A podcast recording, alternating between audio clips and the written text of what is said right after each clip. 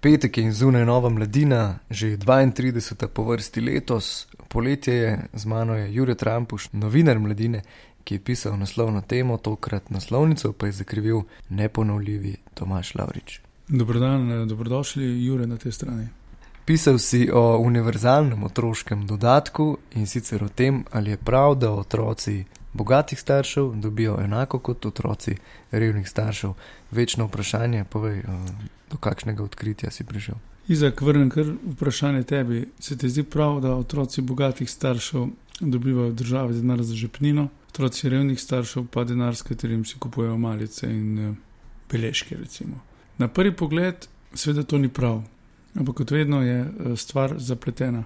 Dneva se vrniti nekaj tednov nazaj na tiskovno konferenco Ministrstva za delo, kjer so med drugim eh, omenili, da bo septembra v javnost prišla razprava o, kako se je rekel prej, univerzalnem otroškem dodatku. Eh, zdaj ta univerzalni otroški dodatek ne obstaja. Otroški dodatek dobi sicer večina slovenskih otrok, okrog 75 odstotkov, ampak je seveda odvisen od premoženja.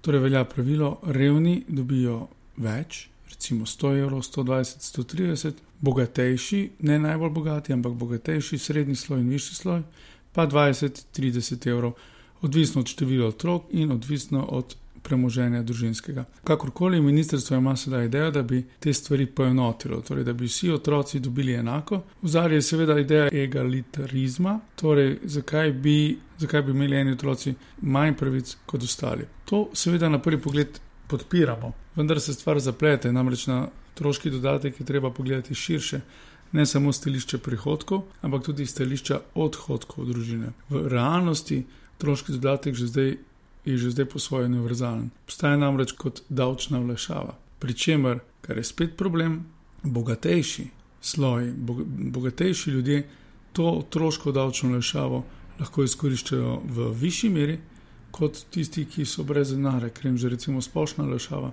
davčna lešava, eh, pobre vse. Torej, stvar je eh, gotovo komplicirana, ampak ministrstvo bi moralo narediti dve stvari. Če že uvede univerzalni otroški dodatek, bi moralo najprej spremeniti tudi ostale socialne transfere. Zakaj to? Otroški dodatek je v Sloveniji sredstvo socialne politike, kar pomeni, da se z otroškim dodatkom po krivici, ampak vseeno, preživljajo nekatere družine, plačujejo položnice, plačujejo vem, elektriko, kakorkoli. In če bi ta otroški dodatek šel, se zmanjšal, ker seveda ne bi vsi dobili 150 evrov, bi tem družinam, ki so že tako ali tako deprivilegirane, zmanjkalo denarja, da se preživijo. Torej, če že ministrstvo hoče narediti otroški dodatek, mora narediti, kako sem rekel, dvoje. Prvič, porihtati ostale socialne transfere, in drugič, razmišljati tudi o davčni reformi. Stvar je relativno komplicirana, Enkrat je ta država idejo o univerzalnem otroškem dodatku že imela, to je bilo leta 1993, zakon je bil sprejet, vendar je kasnejša vlada Jana Zadrnoška to spremenila in uvedli so se dohodkovni razredi. To si zelo lepo in natančno pojasnil, Jure. Uh, nekaj zanimivega pa je tudi v tvojem članku in sicer v članku znotraj članka pišeš tudi o tem, da imajo nekateri ta dodatek zgolj za zamaskirano natalitetno politiko. Naš prijatelj Viktor Orban, je bil otroški dodatek za mačarske matere, ki imajo dva, tri ali več otrok. Če imaš ti več kot tri otroke in si mačarska mati, recimo dohodine celega življenja ne boš, do, do konca življenja ne plačuješ dohodine.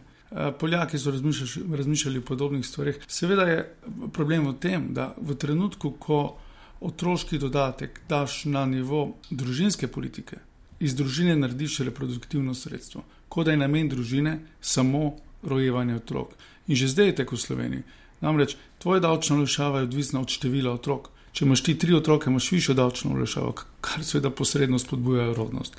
To spodbujanje rodnosti z otroškim dodatkom smo že videli v zgodovini, eh, v Albaniji, v Hitlerjevi, eh, v Nemčiji. Problem je seveda v tem, da, kako pravi meni v, v, v tekstu eh, profesor Dragoš, ljudje vendarle ne rojevajo otrok zato, da dobijo denar. Morda, morda kdo nima otrok, ker si tega ne more provoščiti ampak ti nimaš otrok za to, da dobiš denar. Veš, za koliko na leto država Slovenija porabi za otroške dodatke? Uh, ne, ampak zagotovo veš ti. Ja, sem bil presenečen. Okrog 250 milijonov evrov. To je res že zdaj veliko denarja. In če bi k temu dodali še kaj več zdraven, vprašanje, kako bi država to lahko finančno prenesla. Zato so seveda ideje o otroškem dodatku, kar se mi pa zdi bistveno, jih lahko pogledamo tudi z druge strani. Ne. Zakaj pa ne bi ta otroški dodatek um, dobili otroci z voucherji? ne vem, tem lastnimi ko kupovali šolske potrebščine, kakorkoli, ampak so že veliko povedali, ne, tudi kar nekaj. Ne. Ja, pravijo, da se pri denarju vse konča. Ja. Povej, kaj si lahko še preberemo v novi številki mladine? Imamo odličen članek o fekalni avtocesti, ki naj bi šla čez uh, Ljubljano. Potem imamo um, portret Alana Hranitelja ter še komentar Svetlane Slabšak o sovražnosti na internetu in o streljanju v Ameriki.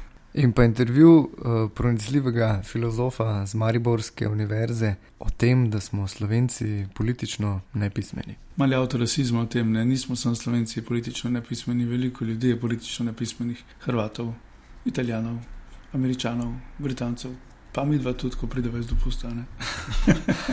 ja. Ne pozabite pa tudi na posebno številko mladine intervju, ki je še vedno na prodaj in v kateri je res veliko zanimivega branja. Jure, hvala. Hvala tudi tebi, srečno, čau, pa pa.